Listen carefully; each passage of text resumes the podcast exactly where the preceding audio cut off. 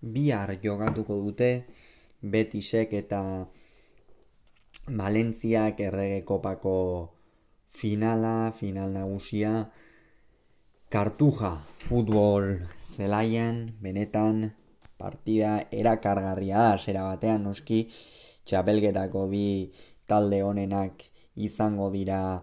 Bertan, lehenik eta behin ikus dezagun nola izan den euren ibilbidea kopa honetan zehar, ikusiko dugu, ea nola izan den euren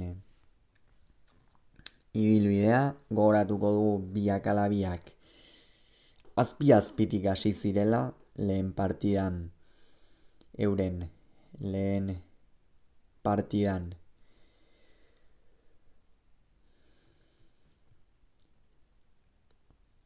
Final hogeita amabirenetan ez barkatu barkatu ez final hogeita amabirenetan ez. Hauek azpi azpitik hasitako taldeak baitira. Alde batetik an Valentziak utxe eta iru irabazizion utri hasi eta betisek aldiz. Ea hemen txari gaikara bilatzen betis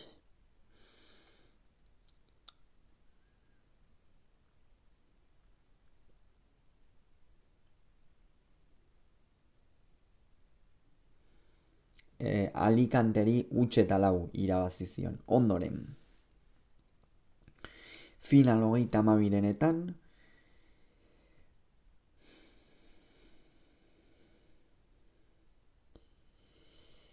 Arentei, Valentziak arentei hori irabazizion bat eta iru, betisek aldiz, bi eta lau talaberari.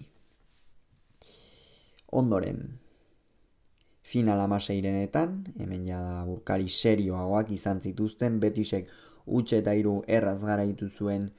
Betis, Valentziak bat eta bi irabazizion kartagenari, larri biliziren egun hartan bordalasenak ondoren.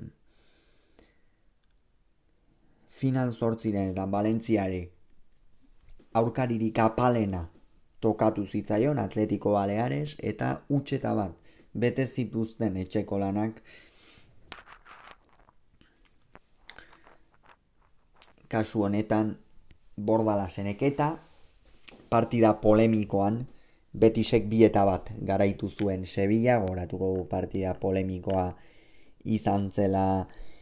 Hor Joan Jordani botazioten e, eh, maki horren eta horren guztiaren arira ondoren sortu zena partida bertan bera utzi behar izan zuten urren egunean zaleri gabe jokatu behar izan zen eta oso partida gora beratxua izan zen, baina betisek egin zituen etxeko lanak ondoren. Valentziak bi eta bat irabazizion kadizi eta betisek utxe eta lau realari final ordenetan eta azkenik final erdietan betisek guztira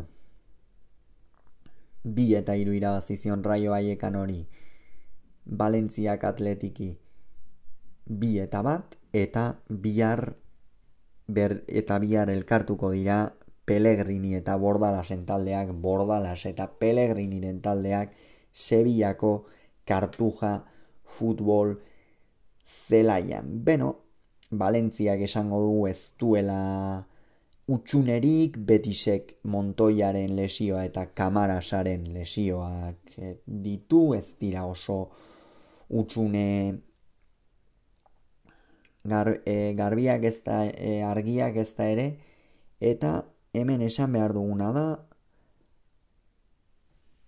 bi talde hauek jokatu dituzten norgeiagoketan aurtengo urte honetan lehenik eta behin oraindik ere bigarren itzulikoa ez dute jokatu baina betisek lau eta bat irabaziziola Valentziari eta bestalde bi taldeak aurreko partida galtzetik handatoz. Noski, partida oso oso kompromiso handiko partidak zituzten aurrekoan, izan ere gaurko biharko eguna bi taldeen zatik eragarria da alde batetikan betisek denbora askoren ondoren final bat jokatuko duelako bestalde Valentziak naiz eta orain iruzpala urte Bartzelonaren aurkako final hori irabazi noski Valentziaren egoera denok daki guzteinen delikatua den eta nola ez zalegoak nahiko du, nahiko du tituluat eta eta ez da gutxia orako izanen ikuste zalentzat bihar titulo bat irabaztea. Eta ilusio ikeragarria dago alde horretatik ere turia aldean ez da? Hori bai hemen ditugu datuak eta pixka bat guazen alderatzera ez da alde batetik bi jokalari bueno, talde bakoitzaren jokalari honena alde batetik noski. Beti zen jokalaririk honena Nabil Fekir. Fekir. Beno, guazen Fekirren figura apurtxo bat aztertzera demoraldi honetan.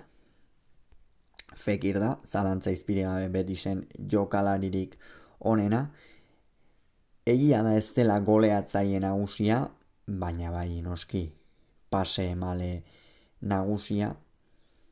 Aurten berrogeita bat partida jokatu ditu, amar gol sartu eta amar goleko pase eman ditu.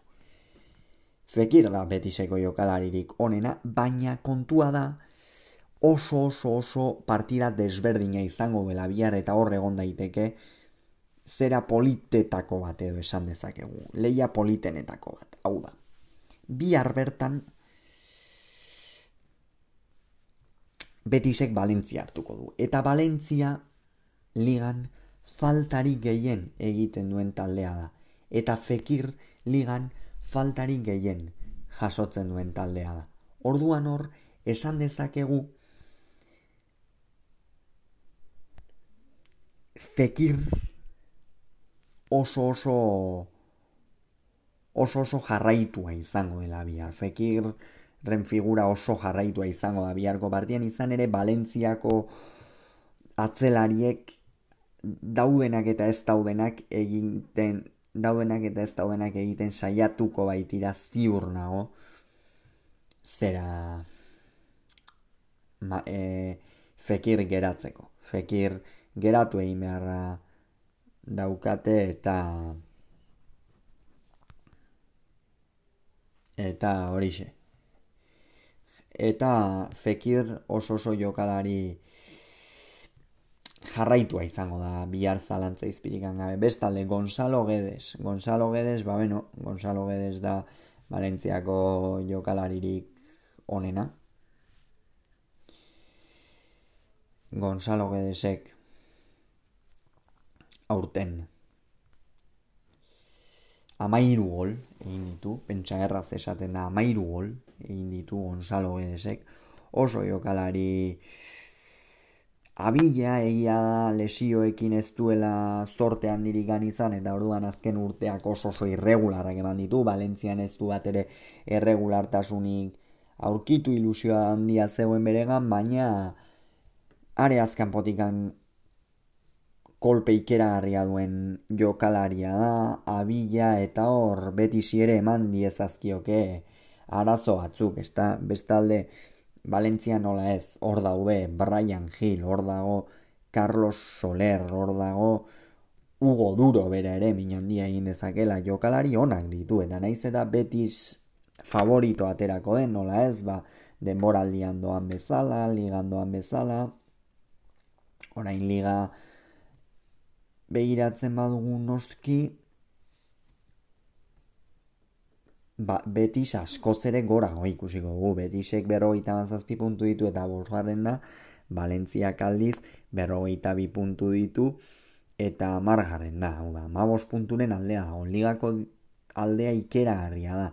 Horregaitik esaten dugu bihar Valentziak oso oso joko intentsitate handiko jokoa egingo dela, intentsitate handiarekin aterako dira. Eta ez du esango atera behar dira baizik eta aterako dira. Hori badakigu bordalasen taldeek intentsitate ikeragarriarekin jokatzen dutelako beti batzuetan gehiagirekin ere eta oso kritikatua izaten da alde horretatikan, baina orokorrean iruditzen zait eh, betisek joko ona egin ezkero aukera handiak dituela irabazteko eta Valentziak bere armak erabili beharko dituela askoz ere gehiago kostatuko zaio nola ez Valentziari partidan partida aurrera eramatea betisi baino horregaitik handa nola ez favorito xeagoa, baina Valentziak ere bere armak baditu eta ziur betisi ez diola erraza jarriko horretan ziur gaude, oso oso ziur. Betisi ez diola erraza jarriko. Hau beraz biharko partidaren inguruan kontatu beharreko guztia, hau izan da gaurko kirolunean esan beharreko guztia, bitartean on, urrengo arte, bitartean ongi izan agur.